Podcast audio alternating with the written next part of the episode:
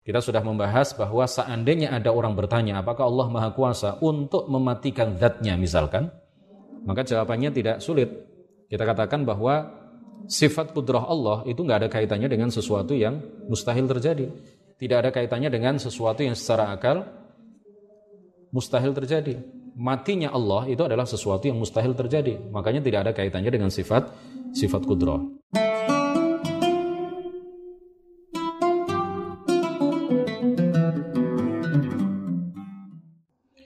Assalamualaikum warahmatullahi wabarakatuh.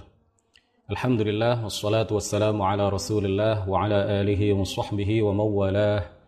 Wala hawla wala quwwata illa billah amma ba'du. Kita telah sampai pada bait nazam yang ke-8. Sami'unil basir wal mutkallimu lahu sifatun sab'atun tantazimu. Kita pada pertemuan sebelumnya telah membahas tentang sifat kalam secara agak panjang lebar kita lanjutkan lahu sifatun wajib bagi Allah Subhanahu wa taala. Sifatun sifat-sifat sab'atun yang tujuh. Artinya sifat ma'nawiyah yang tujuh. Tantadhimu yang disebutkan di dalam nazam di dalam dua, dua bait nazam secara berurutan. Wajib baginya sifat-sifat. Itu maksudnya Allah pasti memiliki sifat-sifat yang disebutkan di dalam beberapa bait nazam yang kita bahas dalam beberapa pertemuan terakhir. Faqudratun iradatun sam'un basar hayatunil ilmu kalamun istamar. Allah Subhanahu wa taala disifati dengan sifat kudrah, iradah, sam' basar, hayah, ilm, kalam, istamar yang abadi, yang kekal, yang adanya tanpa penghabisan. Para pemirsa yang dirahmati oleh Allah Subhanahu wa taala, sebagaimana kita tahu bahwa sebagian ulama mengatakan bahwa sifat-sifat wajib bagi Allah yang wajib kita ketahui itu ada 13. Terkelompok di dalam tiga kelompok sifat, nafsiyah, salbiyah, dan ma'ani. Kemudian ada sebagian ulama yang lain yang mengatakan bahwa sifat-sifat wajib bagi Allah yang wajib kita ketahui ada 20. Dikelompokkan menjadi empat yaitu nafsiyah, salbiyah, ma'ani dan ma'nawiyah. Sudah kita jelaskan di dalam beberapa pertemuan yang lalu bahwa sebetulnya sejatinya ini adalah khilaf lafzi Perbedaan yang secara lafat saja, tidak secara substansional. Tidak masuk dalam uh, substansi. Ya, ini hanya perbedaan cara mengungkapkan saja. Jadi yang dimaksud dengan sifat ma'nawiyah yang tujuh, kaunuhu qadiran, kaunuhu muridan dan seterusnya sampai kaunuhu mutakalliman, ini sejatinya telah terkumpul di dalam tujuh sifat ma'ani yang disebutkan sebelumnya. Karena kalau seseorang itu meyakini dan mengetahui bahwa Allah Subhanahu wa taala bersifat dengan sifat kudrah, artinya pasti dia juga memahami bahwa Allah Subhanahu wa taala bersifat dengan kaunuhu qadiran. Oleh karena itu menurut sebagian ulama tidak perlu ditambah lagi dengan tujuh sifat ma'nawiyah. Karena tujuh sifat ma'ani itu sudah cukup untuk memberikan penjelasan, untuk memberikan pemahaman bahwa Allah itu bersifat dengan sifat qudrah. Nah, yang disebut dengan ma'nawiyah ini artinya adalah sifat-sifat yang mulazimah li sifatil ma'ani. Sifat-sifat yang merupakan keniscayaan untuk disebutkan yang selalu mengiringi sifat ma'ani. Jadi sifat ma'nawiyah, kaunuhu qadiran, kaunuhu muridan, dan seterusnya sampai kaunuhu mutakalliman, ini disebut oleh para ulama yang menyatakan bahwa sifat wajib bagi Allah yang wajib diketahui oleh setiap mukallaf ada 20. Ini adalah sifat-sifat yang mulazimah li sifat al-ma'ani, yaitu e, sifat-sifat yang merupakan keniscayaan ya untuk disebutkan karena Allah memiliki sifat ma'ani. Tetapi para muhaqqiqin mengatakan bahwa atau ghalibul mutakallimin sebagian besar ahli kalam mengatakan bahwa sifat yang wajib bagi Allah, artinya sifat-sifat yang pasti tetap pada zat Allah, sifat-sifat yang pasti dimiliki oleh Allah dan wajib diketahui oleh setiap mukallaf itu 13. Jadi tidak perlu kita mengatakan atau tidak perlu kita menambahkan tujuh sifat ma'nawiyah. Sebagaimana dikatakan oleh Al-Hafidh Murtada Az-Zabidi di dalam kitabnya Ithaf As-Sadatil Muttaqin. Beliau mengatakan Wa'alam anna hadhihi sifatil ashrin fil haqiqah aqsamun arba'ah. Ketahuilah bahwa sifat 20 itu pada hakikatnya terbagi menjadi empat. Yang pertama adalah nafsiyatun kata beliau, yang kedua adalah salbiyatun, yang ketiga adalah ma'anin, dan yang keempat adalah kelompok sifat ma'nawiyah. Wahada al-qawli bithubutil ahwal. Ini adalah menurut pendapat orang-orang yang menyatakan bahwa ada ahwal, artinya uh, menyatakan bahwa Allah itu tidak cukup dikatakan Allah memiliki sifat kudrah, tetapi harus juga dikatakan bahwa Allah itu memiliki sifat kaunuhu qadiran, kaunuhu muridan dan seterusnya. Wal asahhu kata beliau annahu la hal. Wa hina idzin takunu al-aqsamu thalathatan wa hina idzin takunu al-aqsamu thalathatan wa alaihi daraja ghalibul mutakallimin. Dan inilah yang dikatakan inilah yang diajarkan oleh sebagian besar ahli ilmu kalam. Nah, para pemirsa yang dirahmati oleh Allah Subhanahu wa taala, fa in qila sebagian pensyarah kitab Aqidatul Awam mengatakan fa in qila jika dikatakan lima qala an-nadhimu lahu sifatun sab'atun tantadhimu ma'a annahu qala awwalan 20 sifah 20 sifah ولم يستوفي العدد الذي نص عليه فلم يذكر المعنوية صريحا على مذهب القائلين بالأحوال وما فائدة التكرار. فقد أجاب عن ذلك بعض الشراح هذه المنظومة بأن ذلك من باب الاهتمام بشأن هذه الصفات السبع. Kemudian terus saya ringkas walirraddi ala qaulil mu'tazilati fa innahum ankaruha faqalu innahu ta'ala qadirun bidzatihi muridun bidzatihi min ghairi qudratin wala iradatin وهكذا إلى آخرها وجمهور أهل السنة على أنه تعالى قادر ومريد بصفات وجودية قائمة بالذات يصح أن ترى Jadi kalau ditanya kenapa pengarang kitab ini di awal nazam di bait keberapa itu mengatakan di bait kelima beliau mengatakan wa ba'du fa'lam bi wujubil ma'rifah min wajibin lillahi 20 sifah Beliau mengatakan bahwa sifat-sifat wajib bagi Allah yang wajib diketahui oleh setiap mukallaf itu ada 20. Ya, tetapi beliau tidak menyebutkan secara sorih. Beliau tidak menyebutkan secara eksplisit mengenai sifat ma'nawiyah. Ya, kalau ada yang yang bertanya seperti itu, maka dijawab ada beberapa sebab ya. Salah satunya adalah untuk membantah untuk membantah apa yang diajarkan dan diyakini oleh orang-orang Mu'tazilah bahwa mereka mengatakan orang-orang Mu'tazilah mereka mengatakan innahu ta'ala qadirun bidzatihi Allah itu maha kuasa Allah itu maha kuasa bidzatihi dengan zatnya bukan ya dengan kudrah Allah itu maha kuasa bidzatihi min ghairi qudrah wa muridun bidzatihi min ghairi iradah. Ini ini keyakinan orang-orang Mu'tazilah. Allah Maha Kuasa dengan zatnya tanpa sifat kudrah. Allah Maha menghendaki dengan zatnya tanpa sifat iradah. Allah Maha berfirman, Maha berbicara dengan zatnya tanpa sifat kalam. Ini yang diyakini oleh orang-orang Mu'tazilah. Nah, pengarang nazam ini ingin menjelaskan dan menegaskan kepada kita serta untuk membantah apa yang diajarkan oleh orang-orang Mu'tazilah sehingga beliau kemudian mengatakan apa yang beliau katakan ya. E, beliau mengatakan tadi apa? Lahu sifatun sab'atun tantazimu faqudratun iradatun sam'un basar hayatun ilmu kalamun istamar Sedangkan uh, jumhur ahli sunnati wal jamaah mengatakan bahwa Allahu qadirun wa muridun bisifatin wujudiyatin qaimatin bidzati yasihhu an tura. Allah subhanahu wa ta'ala maha kuasa, maha berkehendak dengan sifat-sifat yang ada sifat wujudiyah, sifat-sifat itu ada, qaimah bidzat yang tetap pada zatnya.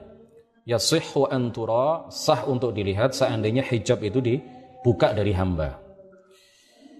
Kemudian tinggal dua bait ya yang akan kita jelaskan di dalam permasalahan ilahiyat ini, hal-hal yang berkaitan dengan ketuhanan yang disebutkan di dalam uh, nazaman aqidatul awam. Wa qudratun iradatun sam'un basar hayatun ilmu kalamun istamar adlihi tarkun li kulli mumkinin ka fi'lihi.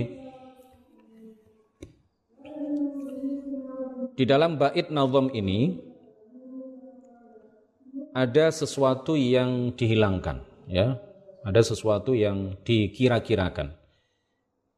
Beliau ingin mengatakan atau pensyarah kitab ini kemudian menjelaskan kepada kita bahwa idza aradta an ta'rifa sifatil ma'ani jika engkau ingin mengetahui sifat-sifat ma'ani mandumatan fi baitin wahidin ternazamkan di dalam satu bait yashulu 'alaika hifdhu alfadhiha sehingga mudah bagimu untuk menghafal lafat-lafatnya Fa'aqulu laka maka aku mengatakan dan menjelaskan kepadamu hiya qudratun.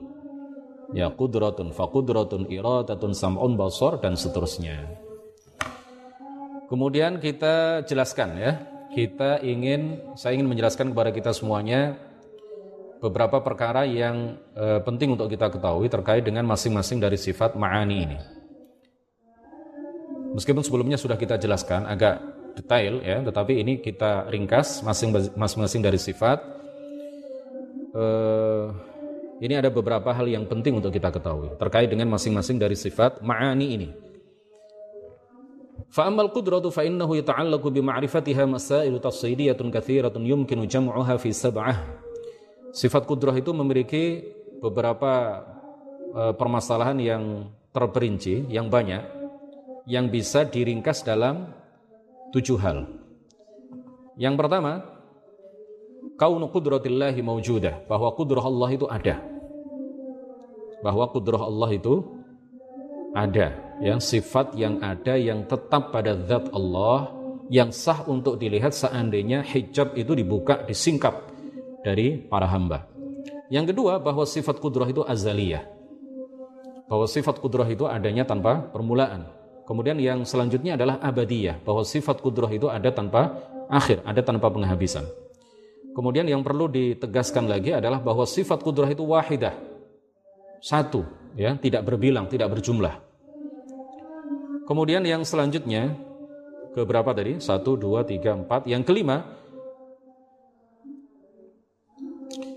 mukhalifah li qudrati ghairihi. Sifat kudrah Allah itu berbeda dengan kudrah selain Allah Subhanahu wa taala. Kemudian yang kelima, yang keenam adalah muta'alliqah bi jami'il mumkinat.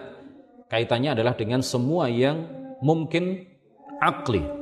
Tidak ada kaitannya dengan wajib akli dan tidak ada kaitannya tidak ada kaitannya dengan mustahil mustahil akli. Jadi kaitan sifat kudrah ta'alluq dari sifat kudrah itu hanya dengan segala sesuatu yang secara akal mungkin ada dan mungkin tiada atau mungkin terjadi dan mungkin tidak terjadi yaitu seluruh makhluk. Kaitannya dengan dengan makhluk.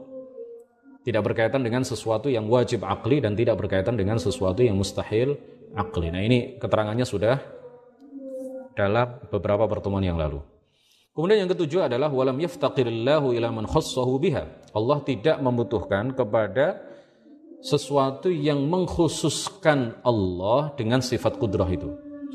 Artinya Allah memiliki sifat kudroh itu memang e, sifat kudroh itu adalah sifat yang pasti ada pada zatnya. Bukan karena dikhususkan oleh sesuatu yang lain kemudian ada pada Allah. Bukan karena diciptakan oleh orang pihak lain, sesuatu yang lain, kemudian e, pihak yang lain atau sesuatu yang lain ini kemudian menciptakan dan mengadakan serta mengkhususkan sifat kudroh itu ada pada zat Allah subhanahu wa ta'ala, ada pada Allah subhanahu wa taala. Allah tidak membutuhkan kepada sesuatu yang lain yang mengkhususkan atau mengadakan atau menciptakan sifat kudrah ini ada pada pada Allah. Kemudian sifat iradah. Ini juga ada tujuh permasalahan di dalam sifat iradah ini yang penting untuk kita ketahui bersama. Yang pertama adalah kaunu iradatihi maujudah. Jadi sifat iradah ini ada. Ya. Ada, sah untuk dilihat apabila hijab disingkap dari para hamba. Kemudian yang kedua azaliyah, ada tanpa permulaan. Yang ketiga adalah abadiyah.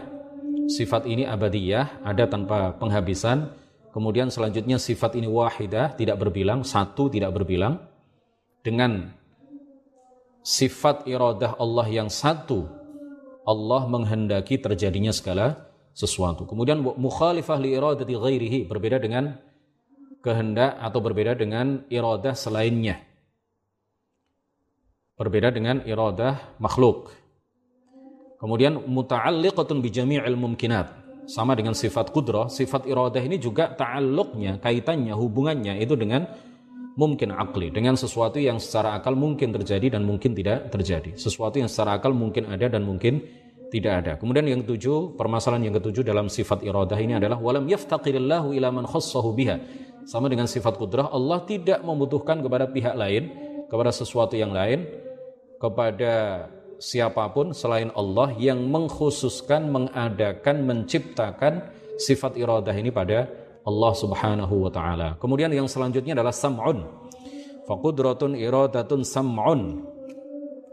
Allah bersifat dengan sifat maha mendengar. Allah bersifat dengan pendengaran.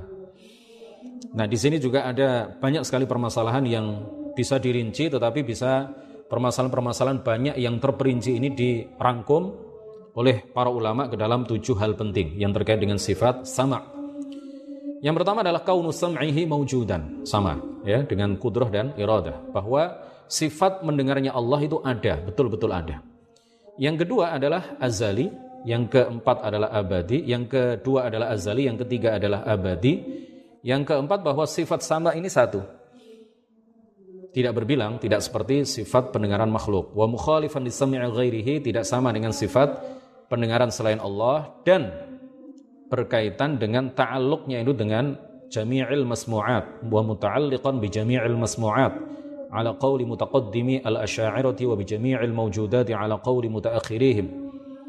Jadi ta'alluq sifat sama itu dengan segala sesuatu yang didengar. Masmu'at segala sesuatu yang bisa didengar. Menurut pendapat uh, mutaqaddimin al-asy'ariyah menurut pendapat para pengikut Imam Asy'ari yang terdahulu. Sedangkan menurut mutaakhirin dari asy'ariyah bahwa sifat sama ini kaitannya dengan ta'alluqnya dengan jami' al-mawjudat dengan segala yang ada. Ya kaitannya dengan segala yang ada bukan ya bukan kaitannya atau ta'alluqnya dengan segala sesuatu yang bisa didengar tetapi ta'aluknya adalah dengan segala sesuatu yang ada bijami'il mawjudat. Kemudian yang ketujuh adalah Allah tidak membutuhkan kepada sesuatu yang lain, kepada pihak lain untuk menciptakan sifat sama ini ada pada Allah Subhanahu wa taala. Kemudian yang selanjutnya adalah basar. Ini juga berkaitan dengan tujuh permasalahan pokok yang berkaitan dengan basar ini sama dengan sifat-sifat yang disebutkan sebelumnya. Yang pertama, poin pertama adalah bahwa basar Allah itu ada, sifat maha melihat Allah itu ada, kemudian azali tidak bermula, abadi tidak berakhir, bahwa basar ini satu, ya dengan basarnya yang satu, dengan sifat basarnya yang satu, dengan sifat maha melihatnya yang satu, dia melihat segala yang terlihat, segala yang dilihat. Kemudian berbeda dengan basar selainnya, Kemudian ta'aluknya dengan segala sesuatu yang bisa dilihat menurut pendapat asyairah mutaqaddimin dan kaitannya dengan segala sesuatu yang ada menurut mutaakhirin dari asyairah. Kemudian yang ketujuh adalah Allah tidak membutuhkan kepada sesuatu yang lain untuk menciptakan atau mengkhususkan sifat ini ada pada Allah Subhanahu wa taala. Kemudian yang selanjutnya adalah hayah. Ini berkaitan dengan delapan poin ya berkaitan dengan delapan permasalahan yang penting yang terangkum di dalam eh, apa yang disebutkan oleh salah satu pensyarah kitab ini. Kaunu hayatihi maujudah yang pertama. Bahwa sifat hayah Allah itu ada. Yang kedua adalah azaliyah.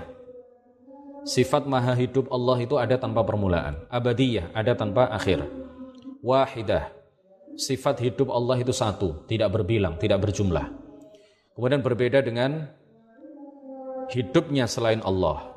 Kemudian tidak membutuhkan kepada sesuatu yang lain yang mengkhususkan atau mengadakan sifat hayah ini ada pada Allah.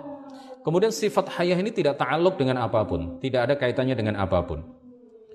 Ya, wala ta'alluq laha bi Sifat hayat ini nggak ada ta'alluq dengan apa pun. Berbeda dengan yang sebelumnya. Kalau kudrah itu ta'alluqnya kaitannya dengan mungkinat aqliyah, sesuatu yang secara akal mungkin ada dan mungkin tiada. Sifat iradah juga begitu. Dan seterusnya tadi sudah kita sebutkan.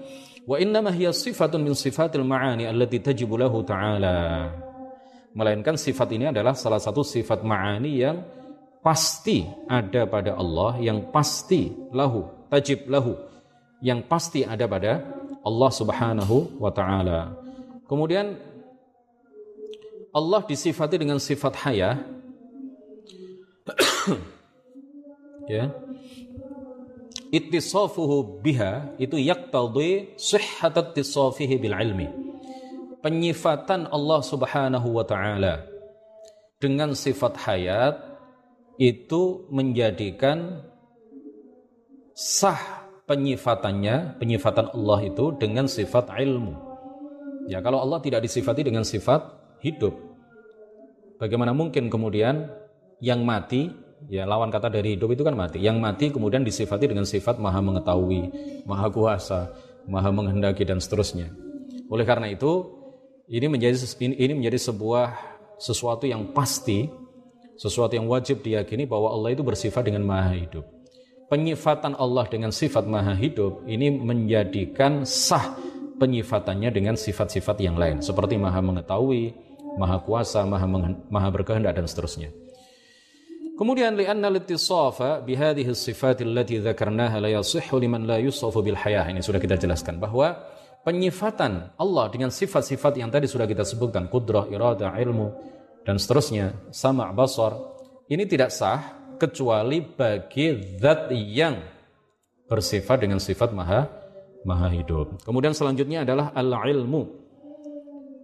Wa lillahi ta'ala al-ilmu. Bahwa Allah Subhanahu wa taala pasti bersifat dengan sifat maha mengetahui. Ada tujuh permasalahan terkait dengan sifat ini. Yang pertama, kaunu ilmihi maujudan. Bahwa sifat maha mengetahui Allah, pengetahuan Allah, sifat pengetahuan Allah, sifat ilmu Allah, ini adalah sesuatu yang ada. Kemudian azali, ada tanpa permulaan, abadi, ada tanpa penghabisan. Kemudian wahid, tidak berbilang. Ilmu Allah satu. Ilmu Allah tidak berbilang, ilmu Allah tidak bertambah, ilmu Allah tidak berkurang.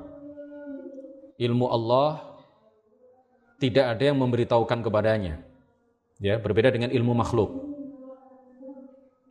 wa mukhalifan li ilmi ghairihi. Kemudian ilmu Allah berbeda dengan ilmu makhluk. Wa muta'alliqan bil wajib wal mumkin wal mustahil. Kemudian ta'alluq dari sifat ilmu ini berbeda dengan ta'alluqnya sifat kudroh dan iroda. Kalau sifat kudroh dan iroda itu hanya berkaitan dengan sesuatu yang mungkin terjadi dan mungkin tidak terjadi. Sesuatu yang secara akal mungkin ada dan mungkin tiada, yaitu makhluk. Ya, beberapa pertemuan yang lalu kita sudah menyampaikan kita sudah membahas bahwa seandainya ada orang bertanya apakah Allah Maha Kuasa untuk mematikan zatnya misalkan, maka jawabannya tidak sulit. Kita katakan bahwa sifat kudrah Allah itu nggak ada kaitannya dengan sesuatu yang mustahil terjadi. Tidak ada kaitannya dengan sesuatu yang secara akal mustahil terjadi. Matinya Allah itu adalah sesuatu yang mustahil terjadi. Makanya tidak ada kaitannya dengan sifat sifat kudrah. Ini seperti orang yang bertanya apakah tembok ini atau papan tulis ini tidak capek dia berdiri terus. Tembok atau apa namanya tiang, tiang listrik. Ditanyakan oleh seseorang, apakah tiang listrik itu tidak capek berdiri terus selama tiga tahun, selama empat tahun, selama lima tahun? Ya, ini adalah pertanyaan yang salah. Begitu juga pertanyaan apakah Allah itu maha kuasa untuk menjadikan zatnya mati? Ini juga pertanyaan yang salah. Dijawab dengan iya, salah, dijawab dengan tidak salah. Jawaban yang benar adalah sifat kudrah Allah tidak berkaitan dengan sesuatu yang mustahil terjadi. Kaitannya sifat kudrah itu hanya dengan sesuatu yang mungkin terjadi secara akal dan mungkin tidak terjadi secara akal. Kalau ada orang bertanya, apakah listrik ini tidak capek berdiri terus? Dijawab dengan capek, salah. Dijawab dengan tidak capek juga salah. Pertanyaannya salah. Jawaban iya salah, jawaban tidak salah Jawaban yang benar adalah rasa capek itu nggak ada kaitannya dengan sifat listrik, dengan dengan uh, apa namanya uh, tiang listrik. Tiang listrik itu nggak ada kaitannya dengan sifat capek karena dia bukan manusia, dia bukan sesuatu yang uh, memiliki rasa, bukanlah sesuatu yang memiliki nyawa, bukanlah sesuatu yang seperti manusia, seperti jin, seperti makhluk yang lain. Ya, dia adalah benda mati. Jadi nggak ada kaitannya dengan sifat capek, nggak ada kaitannya dengan sifat lelah. Kemudian yang ketujuh terkait dengan sifat ilmu ini adalah walam yaftaqirillahu ila man khassahu bihi dan Allah tidak membutuhkan kepada sesuatu yang lain yang mengkhususkan Allah dengan sifat ilmu. Yang mengadakan sifat ilmu itu ada pada Allah Subhanahu wa taala. Kemudian juga yang terakhir adalah sifat kalam.